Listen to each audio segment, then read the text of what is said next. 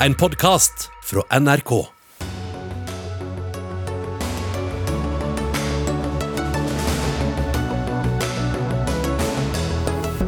Er vaksinepass veien til mer frihet, reising og et vanlig liv for de velsignede vaksinerte? Eller blir det en forskjellsbehandling som setter spikeren i kista for koronadugnaden? Jurister mener bruken av karantenehotell minner mer om straff enn om godt smittevern. De må tenke på helheten, ikke bare enkeltpersoner, innvender en annen jurist. AUF-lederen mener det har vært en kollektiv berøringsangst etter 22.07. Den vil hun nå bli kvitt, ti år etter terroren. Og prikker på førerkortet i tillegg til bot er en urettferdig dobbeltstraff, mener Frp. Helt uforståelig at de vil skrote ordningen, svarer organisasjonen Ung i trafikken. Vel møtt til Dagsnytt 18, hvor det også skal handle både om Jordan og Grønland. Jeg heter Sigrid Solund. Ettersom flere og flere blir vaksinert, skal de da kunne reise og gå tilbake til et mer normalt liv? Dette er nå oppe til diskusjon i mange land, ettersom de er i gang med eller forbereder en gradvis gjenåpning av samfunnet. Og I den forbindelse tar mange til orde for et vaksinepass som kan gi goder til dem som beviselig har fått vaksine. At de f.eks. skal kunne reise eller gå på konsert eller restaurant med andre fullvaksinerte. Vi skal straks eh, høre fra to politikere, men først til deg, Preben Ovitsland. Du er professor og overlege ved Folkehelseinstituttet. Dere har flere innvendinger mot en sånn ordning. Hva kan være utfordringene ved et sånt vaksinepass? Ja, Vi syns jo for det første da, at det er veldig fint at eh, dette debatteres. Det har jo noen etiske, juridiske og økonomiske sider som vi syns er helt eh, flott at det debatteres. Eh, vi ønsker jo at koronavaksinasjonsprogrammet som vi har ansvar for, at det skal bli til fordel for hele befolkninga. Ikke bare de som er så heldige å bli vaksinert. Og når folk eh, flest har fulgt råd og, regler i, lang tid for å bringe epidemien under kontroll, så ønsker vi jo at alle skal nyte godt av lettelsene og, og gjenåpninga. Ikke bare de som er eh, vaksinert. Ja, hva, kan være, hva, kan være, negativt ved at noen får goder som andre ikke har? Vi er jo redd for at det kan bli en slags todeling av befolkninga. De som er så heldige at de har fått tilbud om og, og, og, kan vaksinere seg, og de som kanskje ikke kan eller ikke har fått tilbud enda. Da er vi redd for at f.eks. næringsdrivende skal innføre ulike diskriminerende praksiser der bare vaksinerte får lov å spise på restauranten eller eh, komme på eh, bowlinghallen eller i svømmehallen, eh, og dermed utestenge en, del av befolkninga. Vi skal jo dit alle sammen. Hvor farlig er det med en viss forskjellsbehandling om det bare gjelder i en måned eller to eller tre? Nei, Det er selvfølgelig en formildende omstendighet, syns jeg. at uh, Dette er jo ikke meninga skal vare så lenge, eventuelt. Uh, hvis uh, politikerne bestemmer seg for å innføre dette, så blir det jo liksom i, i mai-juni at det kanskje har litt relevans. Men da må vi veie det mot de ulempene det har. Og vi er jo også kanskje litt redd for at noen næringsdrivende vil fortsette praksisen, også at etter at epidemien er, er nesten borte, at de vil fortsette å kreve vaksinepass for gjester på restauranten f.eks. Og så er jo dere opptatt av at det skal være frivillig med vaksinering. Hva tror du kan skje med, med det dersom det blir et sånt vaksinepass? Ja, Frivilligheten i vaksinasjonsprogrammet er jo knytta til at det er en, en, en, helsetilbud. Et tilbud, ikke noe obligatorisk. Og, og Sånn har det vært i flere tiår, og det har tjent oss godt. Vi har et kjempebra vaksinasjonsprogram. Og et, også et veldig bra koronavaksinasjonsprogram som har veldig god oppslutning. Vi er redd for at eh hvis det her blir et sånn vaksinepass som gir fordeler, så vil det ikke lenger bli oppfatta som frivillig og da kan vi få mye eh, støy og uro rundt det hele. At eh, de som er imot vaksinasjon, vil protestere og, og lage en del bråk mm. rundt eh, frivilligheten. Da. Nå kommer det jo stadig nye mutasjoner og nye varianter av viruset som vi jo ikke kan utelukke at det kan fortsette lenge framover. Så hvor, hvor, nyttig vil et sånt pass være, dersom man ikke vet sikkert om det også vil hjelpe på alle de nye variantene? Ja, vi vet jo allerede i dag at det ikke gir 100% beskyttelse mot uh, gamle varianter heller. Uh, sånn at det, det, det, kan jo være at dette kan gi en viss falsk trygghet dersom man tror at folk som er vaksinert absolutt ikke kan smittes og, og ikke smitte videre. For sånn er det dessverre ikke. Dere gir råd og vil helst ikke diskutere, så vi skal takke av deg, Preben Aavitsland fra Folkehelseinstituttet. Og så går vi til deg, Ingvild Kjerkol, stortingsrepresentant for Arbeiderpartiet. For du er også opptatt av at gjenåpningen skal være rettferdig, og deler vel noen av bekymringene vi, vi hørte her. Hvordan kan et vaksinepass eventuelt være til hinder for en sånn rettferdig gjenåpning? Det, det, vi skal huske på, det er at eh, frihetene våre og mobiliteten vår, den har vi. Den er grunnlovfesta. Når den er innskrenka, så er det jo fordi at eh, regjeringa har innført eh, strenge smitteverntiltak som begrenser den. Så i utgangspunktet så har vi de her frihetene. Hvis man skal lette på dem for for dem som har blitt vaksinert. For, for, friheten ligger jo i vaksinen. Når du har fått vaksine, så er du trygg. Da kan du gi klemmer, du kan bevege deg fritt, og du har beskyttelse.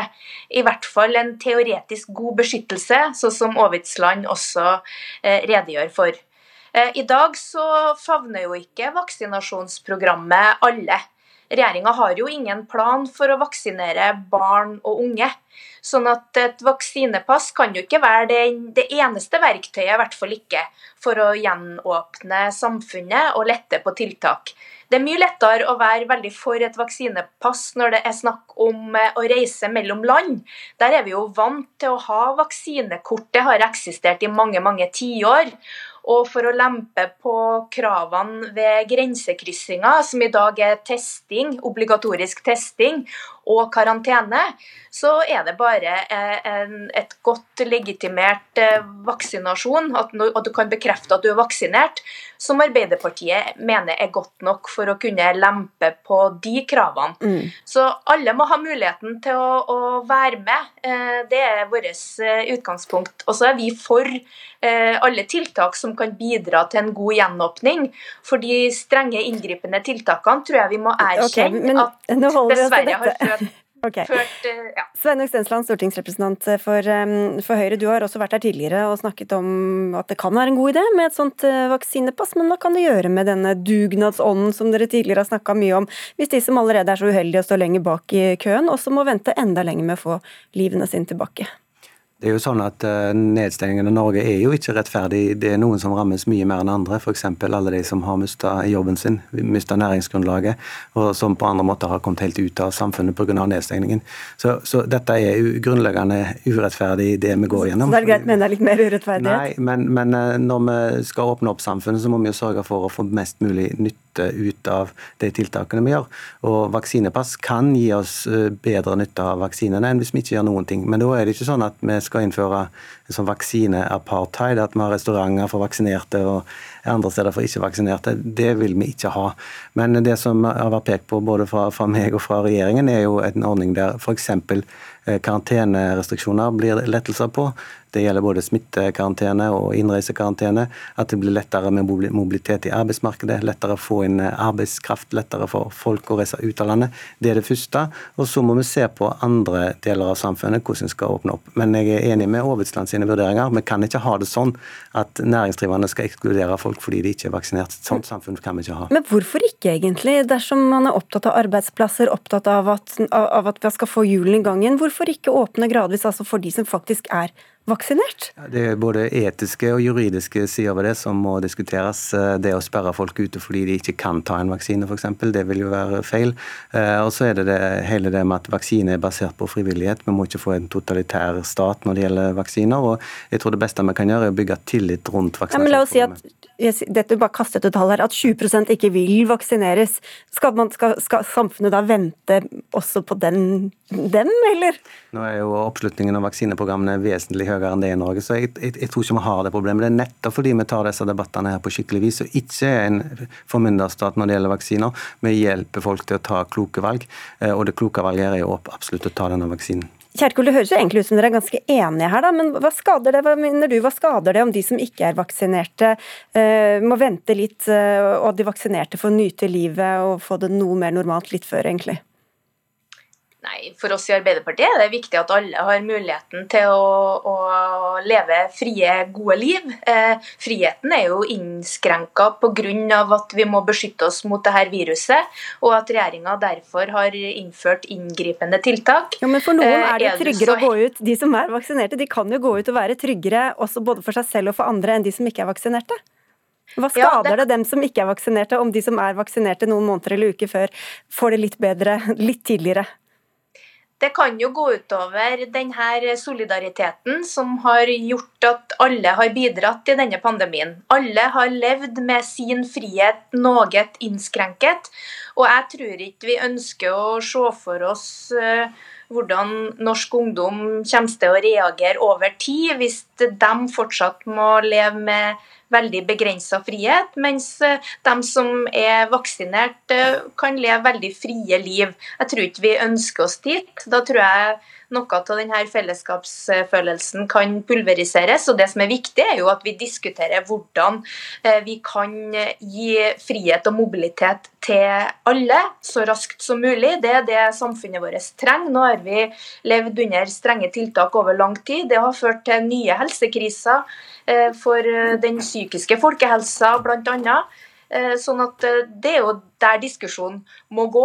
Og Foreløpig så er jo det her en debatt om debatten. Ja, For regjeringa har ja. ikke lagt fram noe forslag. Nei. Og det mener jeg at de må gjøre og diskutere med Stortinget. Men også de som nå får vaksine eller får det om noen uker, de har jo også levd med ganske, altså med kjempestrenge tiltak ja. og kan ha, kan ha disse plagene, psykiske helseproblemer og alt mulig som du beskriver. Så hvorfor skal man holde igjen for dem også? Nei, jeg har ikke argument for at vi skal holde igjen for dem. Det gjør jo det når ikke de kan, gå, kan få nyte den friheten av å være vaksinert, da? Ja, jeg vil ikke ta fra noen friheten de får gjennom å bli vaksinert. Og jeg synes det er Hvis vi får vaksinert alle 70-åringene f.eks., så syns ikke jeg Erna Solberg skal begrense deres mulighet til å ha to, minimum to andre vaksinerte 70-åringer på besøk. Jeg syns de skal få mobilitet og frihet tilbake. Eh, så lenge vi får vaksinert flest mulig, så vil alle oppnå eh, det vi alle ønsker. Mm. Men foreløpig så er jo vaksinasjon et knapphetsgode. Vaksinasjonstempoet i Norge har gått seint. Og regjeringa har ingen plan for å vaksinere barn og unge, fordi de ikke blir alvorlig syk, men de smitter jo. Ja, okay. Og da, da, da kan man jo starte der, da. Kan jo starte der og ha en plan for barn og unge. Det blir mye i regjeringen her, men det, det som er viktig, er at uh, vi har et vaksinasjonsprogram som går bra.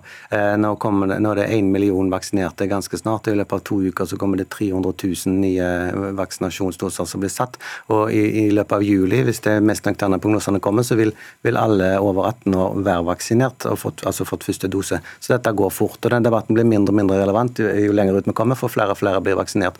Men å få dette til å handle om at, få dette til å handle om at vi, må ha en, vi må ha et vaksinepass plass for Norge nå med en gang. Altså Dette handler faktisk om det må være et... Høres egentlig ut som dere var veldig enige om hva et eventuelt ja. vaksinepass skulle brukes ja. til? da. Jo, men, men, jeg mener faktisk at vi må kunne se på om det kan være enkelte ting de som er vaksinert kan gjøre, og andre ikke kan gjøre. Også i Norge, og ikke Også, bare når det gjelder reising? Men før vi gjør det, så må vi være helt sikre på at vaksinen faktisk virker sånn som vi vil. At den virker sånn at den ikke hva, hva kan være aktuelle ting å tillate for dem som er vaksinert? Det kan jo være en, enkelte ting der det er høy risiko, f.eks. At jeg kan si er du vaksinert, så kan du få delta på dette. Men det å ha et sånt der en Hva da, for eksempel? Hvis ikke det gjaldt restauranter eller ikke gjaldt Ja, men f.eks. Eh, sosiale arrangementer, eller at du i det hele tatt karantenebestemmelsene blir endra for de som har vaksinepass, som jeg sa innledningsvis. For det er ikke logikk i at hvis, du, hvis det er trygt for en vaksinert og ikke være i karantene, så det er en logikk at vedkommende skal sitte ti dager i karantene, f.eks. Men dette er et faglig spørsmål, og vi gjør ikke dette av vond vilje. Vi gjør dette for å være helt sikre på at det vi har gått gjennom, ikke er forgjeves, men for at vi skal komme gjennom denne kneika. Men et siste spørsmål, for dere snakket begge om barn og unge, og der er det jo ikke noen plan for vaksinering så langt. Hva med de som vil reise utenlands, da, hvis mm. man får et sånt vaksinepass med familien? Barn under tolv år er jo unntatt for disse karantenereglene. Og så er det jo sånn at akkurat nå begynte å komme data på de mellom 12 og 18, og det jobber ikke noe med å få vaksinasjon for de jo. Men det er jo ikke sånn at en ikke har en plan fordi at fordi ikke en vil det, men en har ikke en plan fordi at vaksinen er ikke godkjent for barn ennå. Og det er det som er den viktigste jobben. Ja, Men når det gjelder vaksinepass, hvis foreldrene har det, så kan ja. barna få bli med? Ja, det er jo sånn, ja, det er grupper mellom 12 og 18 da som blir Det er et problem vi må komme tilbake til. Men under 12 i dag så er, følger, okay. det. Og hjemme alene-fester forresten. ja. Og I morgen kommer regjeringas plan for gjenåpning av Norge. og Om vaksinepass er en del av den planen, får vi vite da når de redegjør for Stortinget halv tolv. Takk skal dere ha, Sveinung Stensland fra Høyre og Ingvild Kjerkol fra Arbeiderpartiet og Preben Aavitsland fra Folkehelseinstituttet.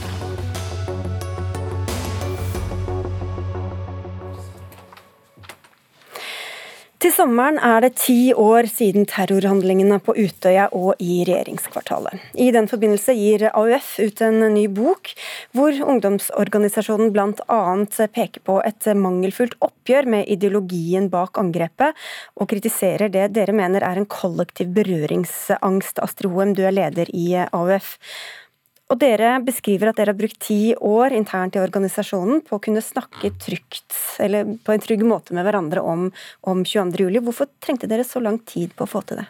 Jeg tror både fordi at det var så nært i årene etterpå, og akkurat som jeg ikke ville bli definert av å være overlevende, så ville nok heller ikke AUF bli bare definert av å være en organisasjon utsatt for terror. Man ville jo kunne snakke om andre ting, om det var idrettsbaner eller eh, Israel-Palestina-konflikten eller andre ting. Og da tar det tid før man kan få den tryggheten. Og så var vi også redd for å få et A- og et B-lag i AUF. At de som meldte seg inn rett etterpå skulle føle at de ikke var like mye AUF-er som de som hadde vært der. Eh, så det var først når vi så at det var mange nye AUF-ere som kom inn, som kanskje var fem eller seks år når terroren ramma, og som var mindre redd for å spørre og mindre redd for å ta ordet og stille spørsmål rundt det. At vi så at vi trengte å snakke mer om det.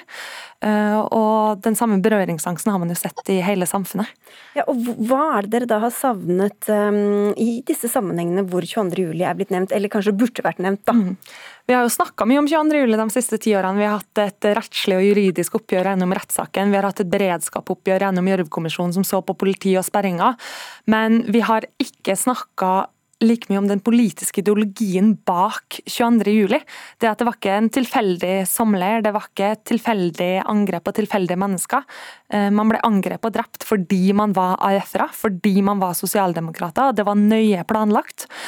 Og da trenger vi også, når vi ser nå ti år etterpå, og har sett at eh, en lignende terrorforsøk på Al-Noor-moskeen i Bærum i 2019, med det samme tankegodset, den samme ideologien, så er det en rød tråd egentlig med den voldelige rasismen i Norge som man er nødt til å snakke mer om, og som også man er nødt til å ha en samfunnsberedskap på, fordi det er mer enn politi og sperringer. altså Beredskapen vår er jo det som skjer i klasserommet, hvilke debatter vi har mellom oss, oss mennesker imellom.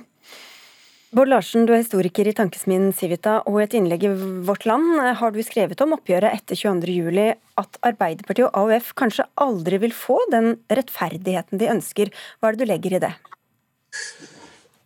Jeg legger i det at for det første så var jo dette her en, eh, en ekstrem tragedie, eller en, en, en, forferdelig terrorhandling. Det er så brutalt og groteskt at uh, hvis man skal måle det opp mot andre fenomener i samfunnet, så blir det veldig vanskelig.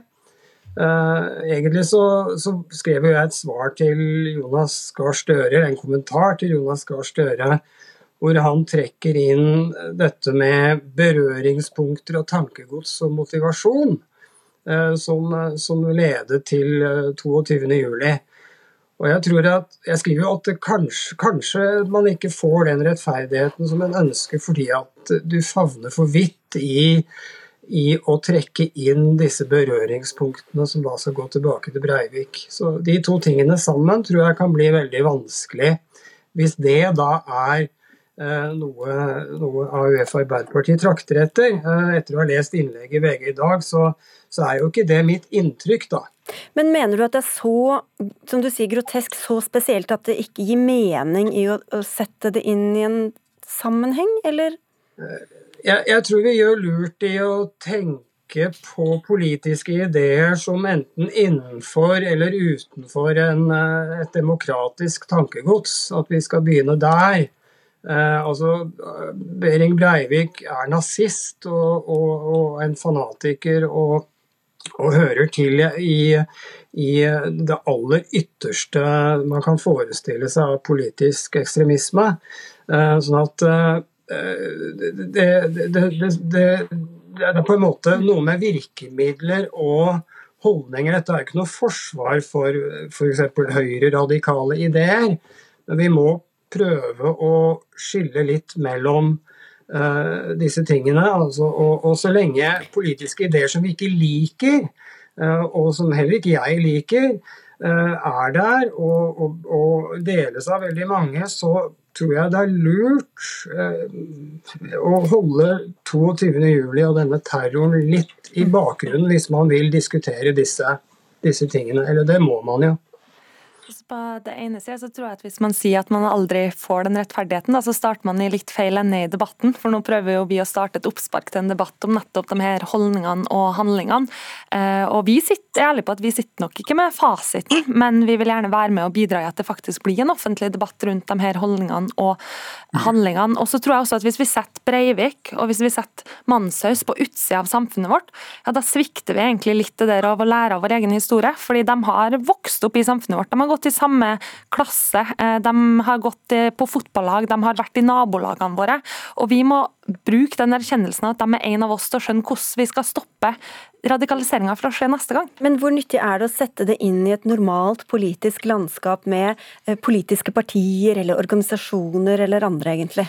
Altså, vi er alle mest opptatt av den voldelige ekstremismen, den som tar liv, eh, og den voldelige rasismen. Men så må vi være klar over at også holdninger kan være med på å nøre opp under hat. Konspirasjonsteorier kan være med på å nøre opp under hat. Og når man ser det i det offentlige ordskiftet, så er man nødt til å slå ned på det og ha tydelige tilbakemeldinger på det. Og der føler jo vi at debatten har flytta seg. Det som var greit å si, ikke greit å si i 2011, har blitt mer greit å si nå. Eh, og det er vel også den debatten vi etterlyser litt. Hva, hva mener vi som fellesskap er greit, da? Men det er vel nettopp dette med manglende konkretisering eller tydelighet som du peker på, Bård Larsen.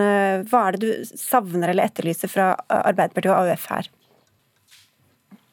Jeg, jeg vet ikke egentlig. Altså, jeg, jeg, jeg, vil ikke sitte her et, og, og, på en måte Du sier at Støre er litt for tilbakeholden med å konkretisere? Ja, ja. ja det, det, det, det, mener jeg han er. og han, han han blander inn en del uheldige uttalelser fra statsråder og, fra, og, en del veldig ille uttalelser fra Frp-folk og Hege Storhaug og slike ting, eh, som, er, eh, som på en måte blir eltet inn i dette, dette narrativet. og selv om eh, vi ikke Selv om vi har mye å utsette på Hege Storhaug, i hvert fall har jeg det, så, så mener jeg at det er, eh, det er eh, ja, nå, ja, mm, ja, ok. Ja, hun er ikke her, så vi får bare være litt tilbakeholdne med karakteristikkene. Ja.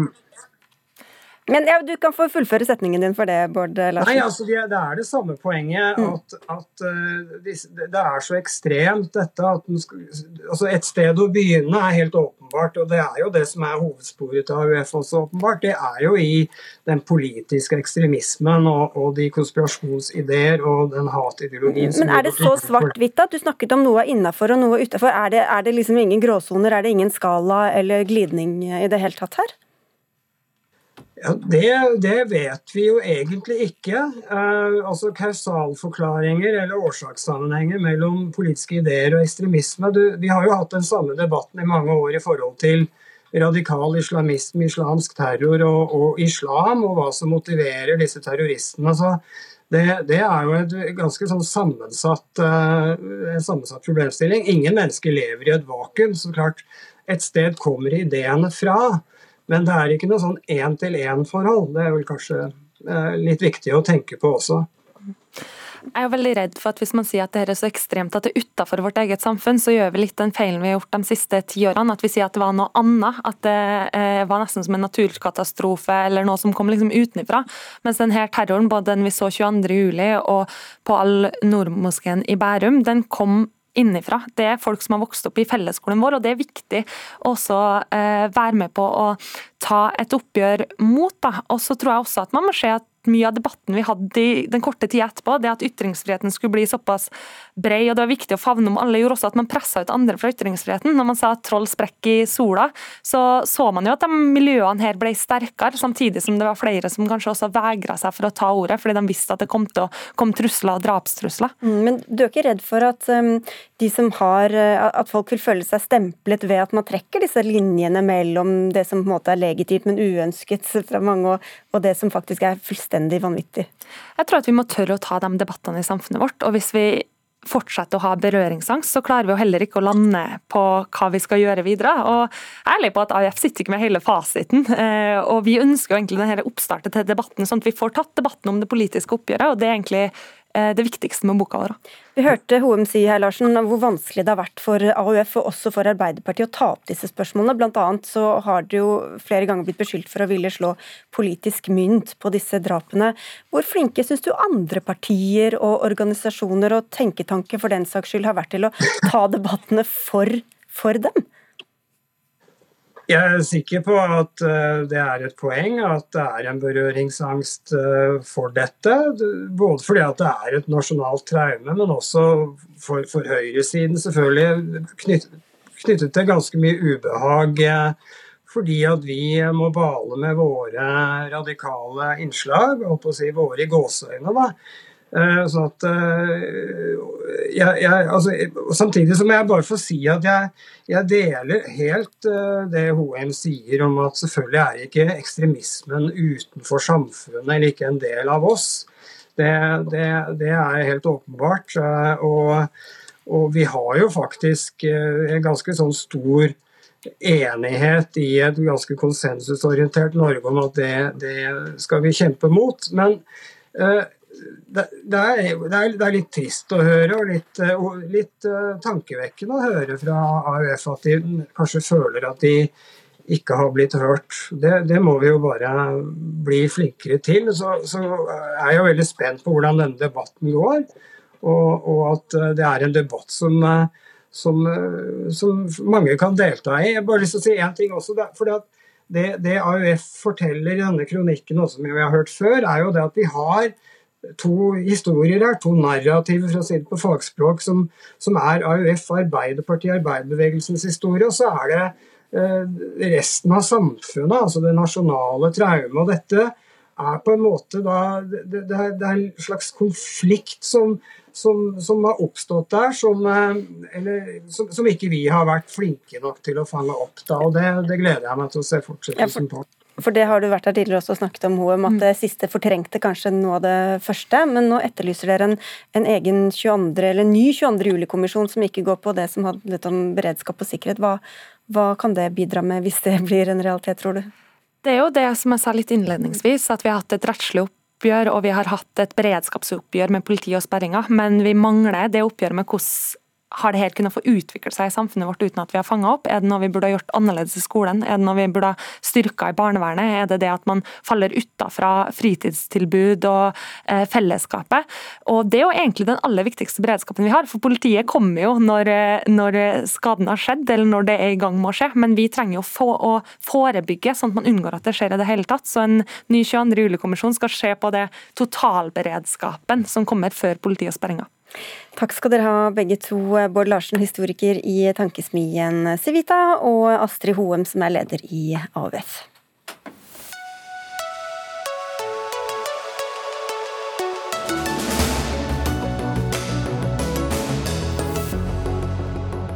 Av de mange tusen som dro påsen, utenlands i påsken, havner nok en del på karantenehotell.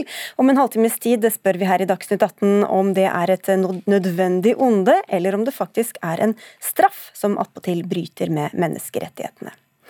Men nå skal vi til et land vi sjelden snakker om, med mindre en amerikansk president vil kjøpe det, nemlig Grønland.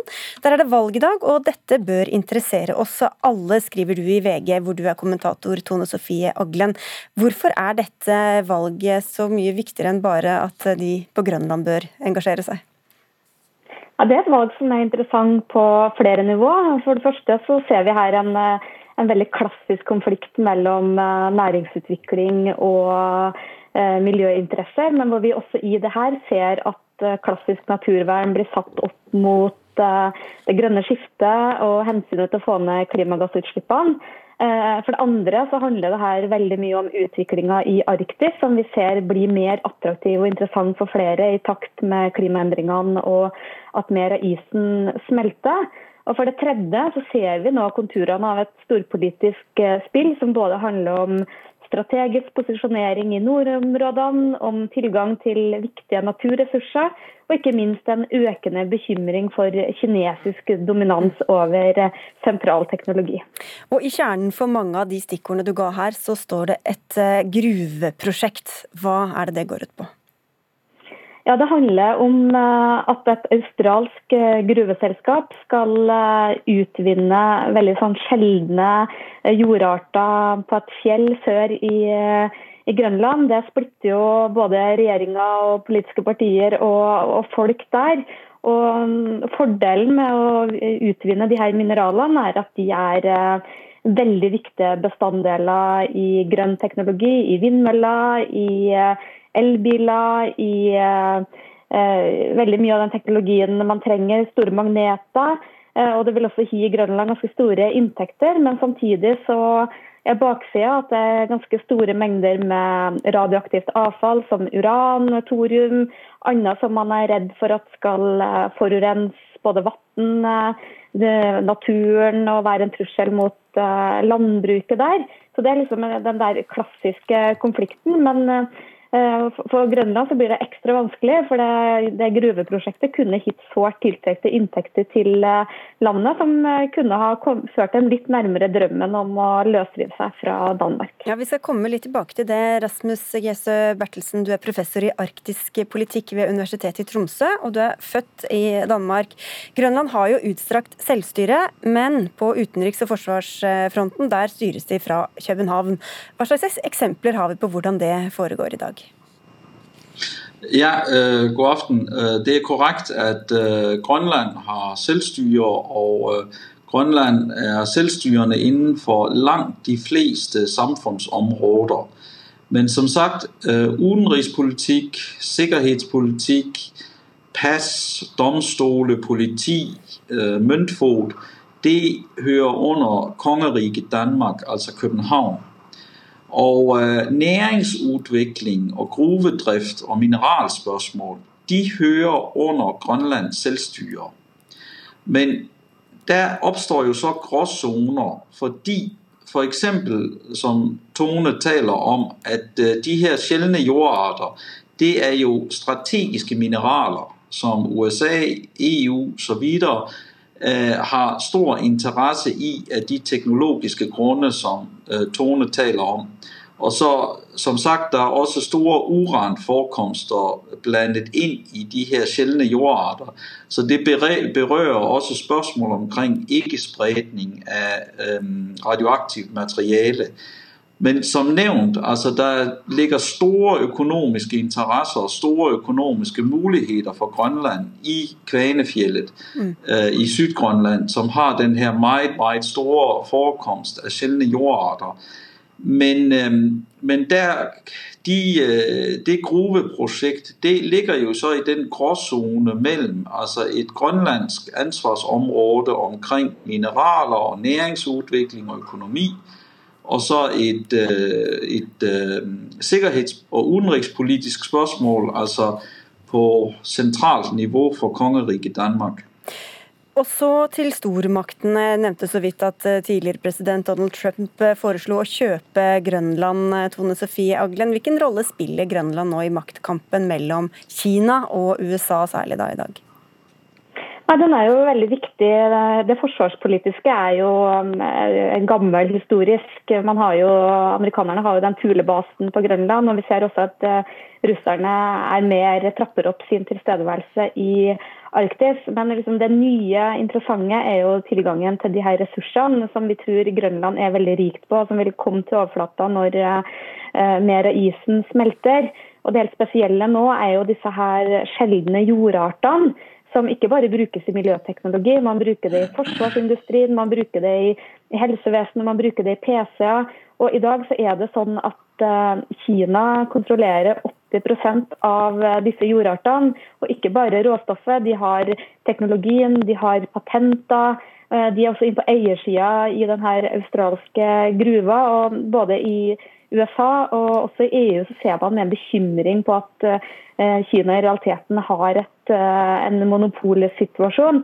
Og man ser på å, å få Eh, mer kontroll på Grønland på en måte for å bryte litt eh, monopolet. Og så ligger det jo litt tilbakehånd at eh, Grønland kan jo også bli selvstendig en gang. og Da er det kanskje særlig viktig for USA å få gode relasjoner til det landet. Og Bertelsen, Hvordan preger dette den interne debatten mellom folk på Grønland, denne storpolitiske situasjonen?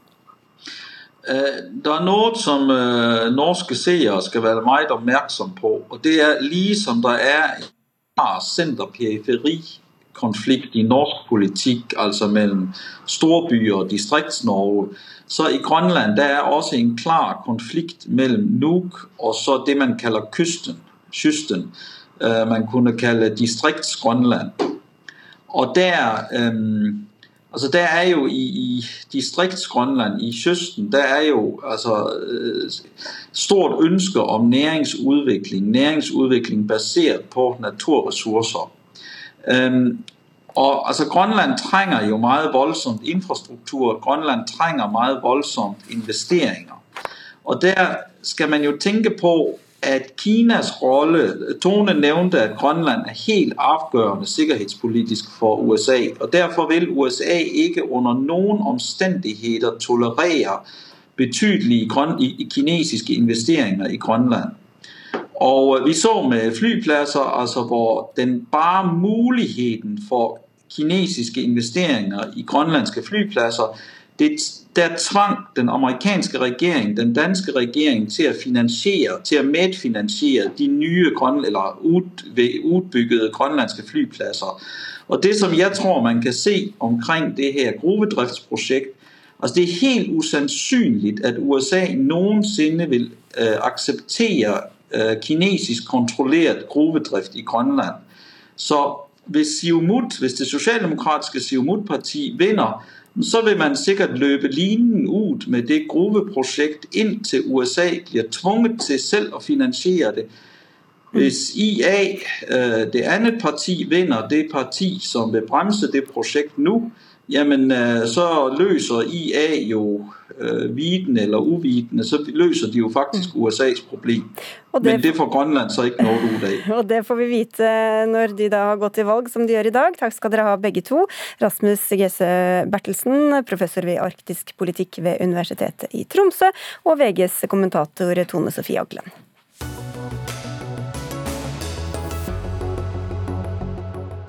Bryter du vikeplikten, kjører på rødt lys eller holder for liten avstand til bilen foran deg, da risikerer du både bøter og prikk på førerkortet. Og får du åtte prikker innen en treårsperiode, ja da ryker lappen. Men denne ordninga bør fjernes, foreslår dere bl.a. gjennom Dagbladets spalter, Bård Hoksrud. Du er første nestleder i transport- og kommunikasjonskomiteen på Stortinget for Frp. og hva er det som fungerer så dårlig at dere vil kvitte dere med denne ordninga? Vi mener at det handler om at det vi skal gjøre og det som er viktig, er å sørge for at vi bygger eh, nye, moderne veier uten møteulykker. At vi skal følge de fartsgrensene som er der, det har vi et ansvar for alle sammen. Men eh, det er ikke sånn at prikkbelastning er det som gjør at vi er best i verden. Jeg tror at det handler om kjøreopplæring. Eh, og det blir ofte vist til noen rapporter som, som liksom er dokumentasjon på at prikker er så bra. Eh, men senest de to siste månedene så har vi altså opplevd i Innlandet så har man til tross for at man har flerdobla eh, bøtesatsene og man har innført tre prikker, så er det altså flere nå som blir tatt eh, enn det det var i fjor. Og Det viser vel kanskje at prikker ikke nødvendigvis er det beste tiltaket. Henrik Pettersen Sunde, du er kommunikasjonsrådgiver i organisasjonen Ung i trafikken, og sier at hvis Frp får med seg resten av gjengen, så er nullvisjonen om ingen drepte i trafikken eh, truet? Hvordan da? Absolutt. Eh, vi ser at eh, prikkbelastninga funker. Transportøkonomisk institutt hadde nå en rapport før jul om at bl.a. ungdomsulykkene har blitt drepte ungdommer har blitt redusert med 80% siden år 2000. Og de viser at prikkbelastninga er en vesentlig faktor for at reduksjonen er såpass tydelig. Nei, jeg, jeg, jeg, mener at den kan man lese på forskjellige vis, den rapporten. Og ja, det stemmer at heldigvis har ulykkene gått ned, men det har de gjort i alle gruppene. Fordi man har hatt fokus på at man har gjort noe med veistandard. Man har fått uh, tatt utbedra veiene. Vi har bygd firefelts motorveier. Eh, og ikke minst eh, så, så trafikksikkerhet, utdann, eller opplæring i, i, på kjøreskolene ja, har blitt veldig bra. hvis de får den opplæringen, så kan de jo kjøre riktig, da. Ja, hva, er det som, ja, hva er det som er så gærent med å gi dem prikker når ikke de gjør det? Men poenget er at vi har allerede skyhøye bøtesatser. Vi er omtrent høyest i verden på bøtesatser. Og så får man prikke på toppen av det. Og så sier man at dette virker så bra. Men altså, det er gjort en internasjonal undersøkelse som viser at det virker i noen måneder, men så blir effekten borte. Derfor er det litt for enkelt å si at dette er så bra. Det er, det er totaliteten vi gjør, ja. som er viktig. Stusser litt på argumentet med at veiene er blitt bedre. Ja, veiene er blitt bedre, men veiene kan være så gode de bare vil. Eh, men holdningene til meg og deg og alle andre som ferdes i trafikken, blir nødvendigvis ikke bedre av det, altså. Men hvorfor blir de bedre av prikker enn av høye bøter? Fordi eh, meg som ungdom, da, vil jeg ja, klassifisere meg som, eh, vi får jo dobbel prikkbelastning de første to åra når vi har eh, fått lappen. Og Det er noe som sitter i bakhodet på oss, der vi tenker hm, nei, vi prøver å holde den fartsgrensa. Vi unngår å sjekke i mobilen når vi kjører bil. Og Da får du de gode vanene da, som du er avhengig av å ha resten av livet som sjåfør? Hoksrud. Og De gode vanene er kjempebra, derfor så mener jeg vi har hatt veldig god opplæring. Men vi har også hatt eh, i forhold til det med ulykker og konsekvensen med ulykker, at vi har fått bedre biler. Frp i regjering sørga for å redusere bilavgiftene, så ungdom, kan kjøre, så ungdom kan kjøre, kjøpe nyere, bedre biler. Eh, det er ikke bilene som sådan som krasjer, det er vel de som sitter men, men, i dem nei, som sørger for det? Poenget er jo det at liksom når det blir framstilt som at prikker er det eneste som er viktig her. Altså Sverige har ikke prikker, det er de vi har drevet og konkurrert med å være best i verden på trafikksikkerhet. Eh, så svenskene konkurrerer vi med, de har ikke prikkbelastningssystemet.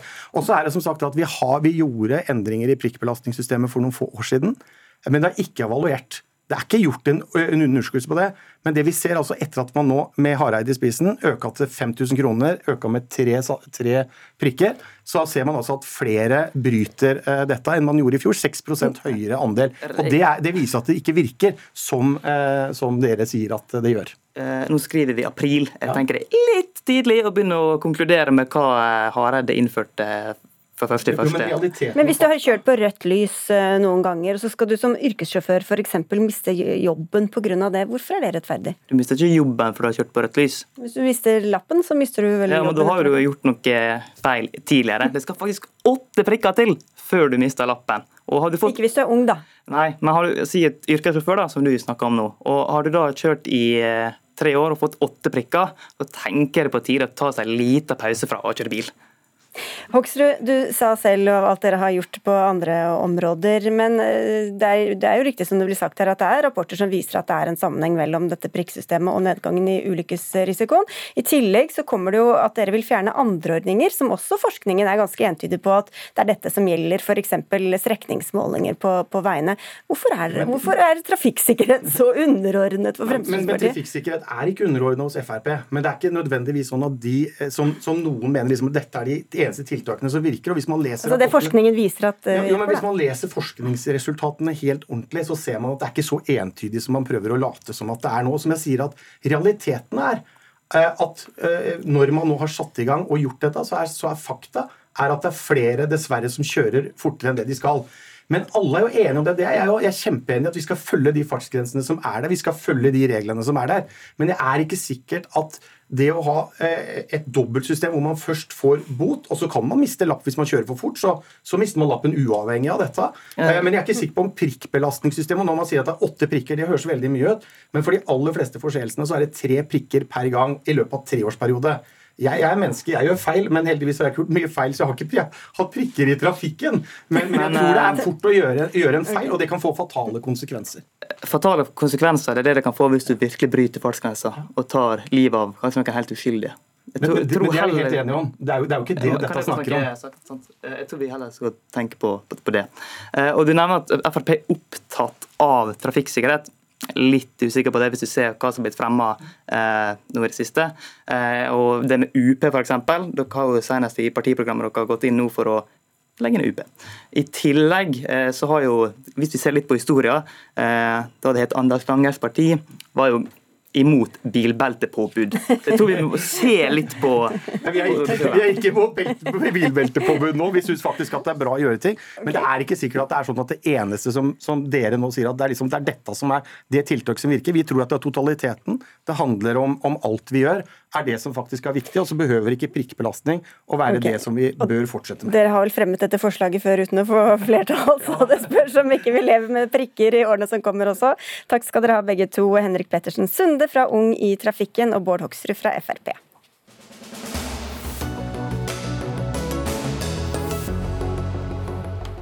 Og nå skal det handle om Jordan her i Dagsnytt 18, der det har vært en dramatisk helg.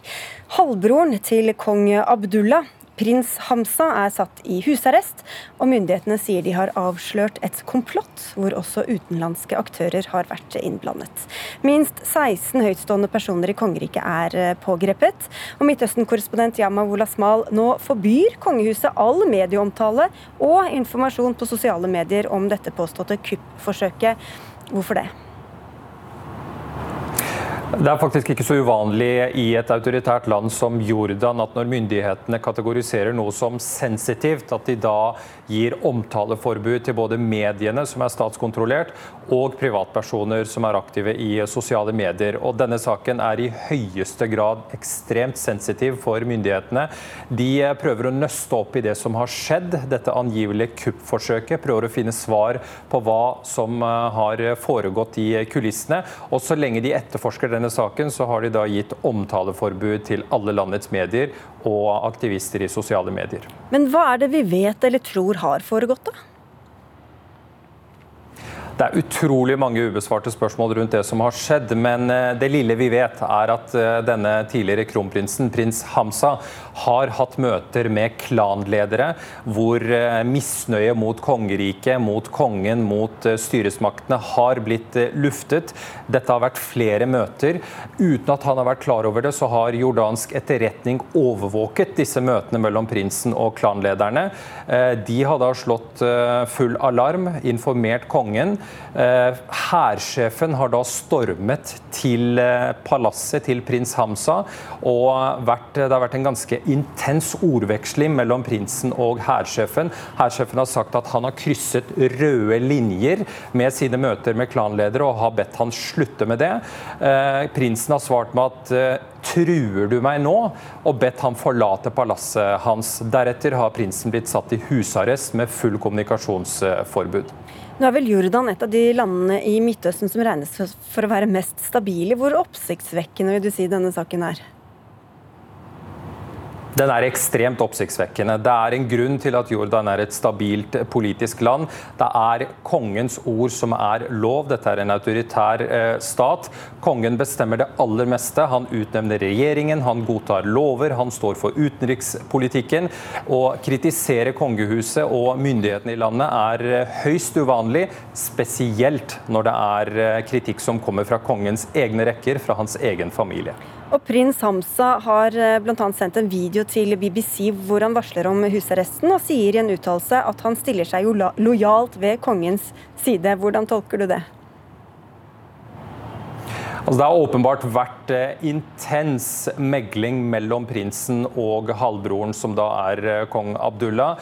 Vi vet at kongens eh, onkel, altså onkelen til disse begge, har gått inn og meglet mellom dem. og Det var etter den meglingen at palasset ga ut en skriftlig uttalelse hvor de sa at prins Hamza nå lover full lojalitet til kongen. Og det kan ikke tolkes som noe annet enn at prinsen har blitt tvunget til å komme med denne uttalelsen. Er det ellers kommet noen reaksjoner fra andre land? De aller fleste allierte som Jordan har, både i regionen og internasjonalt, land som USA bl.a., har kommet med unison støtte til sittende kong Abdullah. Jordan er et land som ikke har store naturressurser. De er ikke rike som mange andre naboland, eh, men de er politisk ekstremt viktige. De har alltid inntatt en nøytral holdning til konflikter i regionen, og de er venn med de aller fleste, og det har gjort dem viktig politisk. Så de fleste naboland og vestlige allierte har kommet med støtteerklæringen til den sittende kongen. Jamma Wolasmal, takk skal du ha for at du var med i Dagsnytt 18.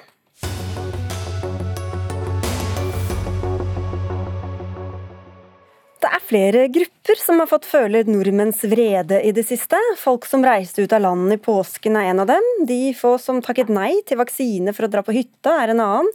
Og for ikke å snakke om de som klaget på forholdene på karantenehotell etter en reise til utlandet.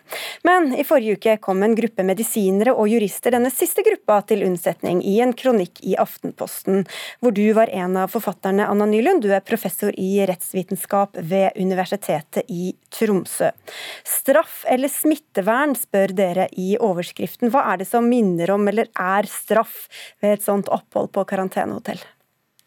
Altså for det første er det jo viktig å si at det er viktig med en innreisekarantene. Men det er stor forskjell mellom en karantene som man har hjemme, i sitt eget hjem, og det å være innesperra på et hotellrom i 22-23 timer i døgnet. Og det er faktisk oppfyller altså det karantenehotellet da frihetsberøvelse. Og frihetsberøvelse det forutsetter da at man har klart avgrensa både grunn for å, frihetsberøve folk, og så at reglene er forutsigbare, og at uh, de brukes på en um, måte som ikke fremstår som uh, tilfeldig og at det også er mulig å klage. Da skal man ha rett til å klage i løpet av kort tid til domstol. Og Ingenting av det her blir oppfylt. Eh, for at Smittevern det handler jo ikke om du har reist på en såkalt nødvendig eller en unødvendig reise. Viruset ser ikke på det om folk har reist av den ene grunnen eller den andre grunnen. Og så ser vi eh, på det som fremkommer fra media de reglene blir brukt på en tilfeldig måte. Det er folk som har vært på en jobbreise, som har måttet dra i hotellkarantene. Reglene ble endra på veldig kort varsel. så selv folk som var på en kort reise, måtte plutselig innfinne seg at de ble tvunget inn på hotell. Og så har det også kommet frem at uh, der den ene stilte seg den ene passkøen, og den andre i den andre passkøen, så måtte den på samme reise så måtte den ene da i hotellkarantene, mens den andre fikk, fikk da hjem. Og det her er et stort inngrep i folks uh, grunnleggende menneskerettigheter. Særlig da med tanke på at man har ingen klagemuligheter, og i tillegg må betale for det oppholdet. Vi har invitert Justisdepartementet. Ingen derfra kunne eller ville komme i dag. Men Anne Kjersti Befring, du er førsteamanuensis ved juridisk fakultet ved Universitetet i Oslo og ser litt annerledes på dette. Er, vil du kalle det en straff å være på karantenehotell? Jeg tenker at veldig mange av de smittevernreguleringene vi har, kan jo minne om straff. Eh, og Derfor har jeg vært veldig opptatt av begrepsbruken. Eh, og Det er veldig vanskelig eh, å hevde at enkeltstående reguleringer er brudd på menneskerettigheter uten å se hen til hvilke interesser de skal ivareta, og uten å se hen til en helhet i smittevernreguleringene. Eh, og dette med importsmitte, det er jo det er helt avgjørende at vi får kontroll med det, for å unngå at vi må lukke ned og lukke ned og lukke ned. Det å drive med disse nedlukkingene, det å stenge skoler, det har betydning for uh, unge, det har betydning for arbeidsplasser.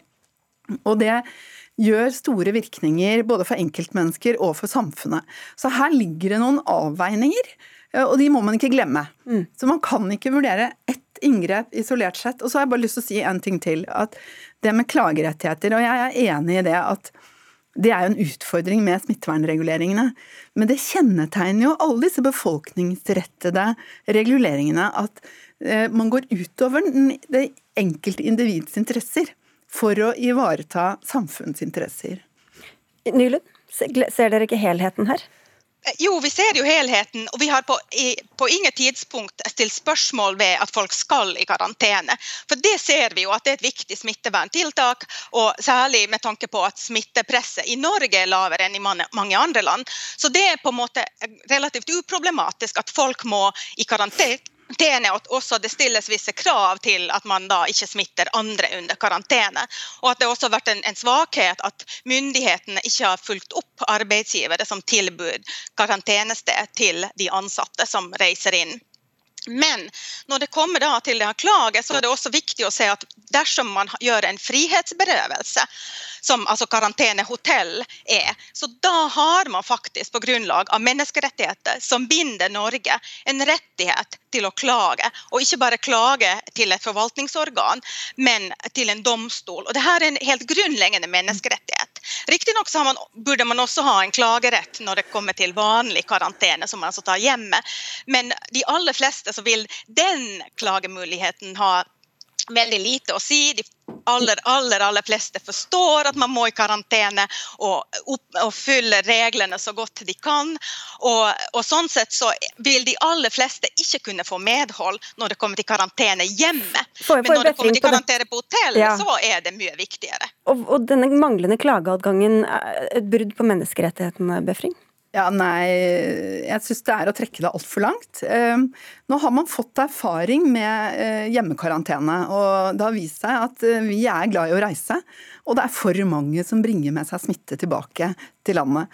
Eh, mange land de praktiserer jo da innreiseforbud mot altså flere land, navngitte land, eller når det gjelder unødvendige reiser. Det har jo både Sverige og Danmark, med noen unntak. ellers så har jo de aller fleste, altså England og flere land, denne type karantenehotell uten individuell klagerett. Men hvor forutsigbart er det for folk å skjønne om det, den reisen de tar blir regnet som nødvendig, om det er et godt skjønn som utvises i hvert enkelt tilfelle, når konsekvensene tross alt kan bli ganske store, da? Ja, altså jeg tenker at det er noen utfordringer med disse reglene. Eh, og ja, det er vanskelig å regulere. Jeg tror vi må anerkjenne det, at dette er ikke noe enkel problematikk. Det er mange dilemmaer, og det er vanskelig å regulere. Eh, og så ser jeg det poenget med mangel på forutsigbarhet. Eh, noen land har jo sagt at dere må ikke reise ut, og hvis dere reiser ut, må alle i karantenehotell. Det gir jo større forutsigbarhet. I Norge har man valgt å gjøre unntak fra det at alle skal i karantenehotell, og da kommer det vanskelige avveininger. Så, men det er jo for å prøve å komme noen i møte, altså når du har en viktig reise, at du skal slippe å gå i karantenehotell. Hadde det vært bedre hvis det var alle eller ingen, Nylund? Ehm, på en måte ja, men samtidig så må man ta hensyn til altså at et sånt karantenehotell er et svært stort inngrep. og at um, det heller ikke er bra å putte inn alle. og Det er f.eks. mange da, som har, kan ha uh, for psykiske problemer som mår særdeles dårlig av å være på et sånt hotell. Og så er det dyrt og byråkratisk. Det er mye bedre at folk kan være i karantene hjemme. Og et sånt karantenehotell kan også være et brudd mot den rettigheten som alle norske borgere har om å reise inn i landet. Og vi ser f.eks. at Australia har hatt store problemer. For det er borgere som var utreist i mars, og som fortsatt den dag i dag, over ett år etterpå, sitter i utlandet uten en mulighet til å reise hjem. Okay, ja, jeg tenker alle har et valg før de reiser ut. Vi, er, vi, vi må ta hensyn til at det er en pandemi. Eh, og den sprer seg veldig raskt. Vi ønsker ikke å få inn nye farlige mutanter. Vi ønsker å få kontroll på nedlukninger. Alle har et valg når det gjelder unødvendige reiser. Og det betyr at man bør Men Man vet jo ikke nødvendigvis om den reisen regnes som unødvendig eller Nei, ikke. Da. Og det bør man kanskje klargjøre.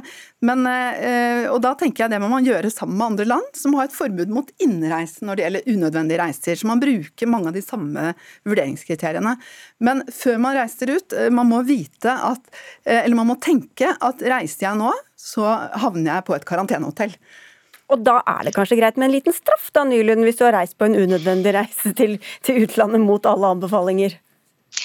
Nei, det syns jeg virkelig eh, ikke at det er. Altså, og Hvis man tenker at det skal være en straff, så da må man i hvert fall ha en klagemulighet. Og da må man også passe på at reglene praktiseres på en sånn måte at det er forutsigbart om en reise er nødvendig eller unødvendig. For nå ser vi jo eksempler fra medier at det er folk som er på nødvendige arbeidsreiser eh, og andre nødvendige reiser som blir kasta inn på hotellkarantene. Vi ser til og med at det er folk som har unntak fra karantenereglene, som må dra på karantenehotell. Og Derfor så er det så viktig å bygge, bygge gode rutiner rundt det og ivareta de som er på karantenehotellet. Okay, 20 sekunder ja, ja, Problemet er jo at vi reiser for mye. Det var mye lettere å kontrollere pandemier før når vi ikke reiste så mye. Og Problemet nå er også at mange ikke forstår at reise fører til smittespredning, og at det må få konsekvenser dersom du reiser og tar med deg smitte hjem. Så enkelt er det alle må lese litt mer avis og høre litt mer på Dagsnytt 18, så tror jeg dere skjønner det. Takk skal dere ha begge to. Anna Nylund, professor i rettsvitenskap ved Universitetet i Tromsø, og Anne Kjersti Befring, førsteamanuensis ved juridisk fakultet her ved Universitetet i Oslo. Og Dag Dørum, Hanne Lunås og jeg, Sigrid Solund, takker for følget og ønsker en fin kveld.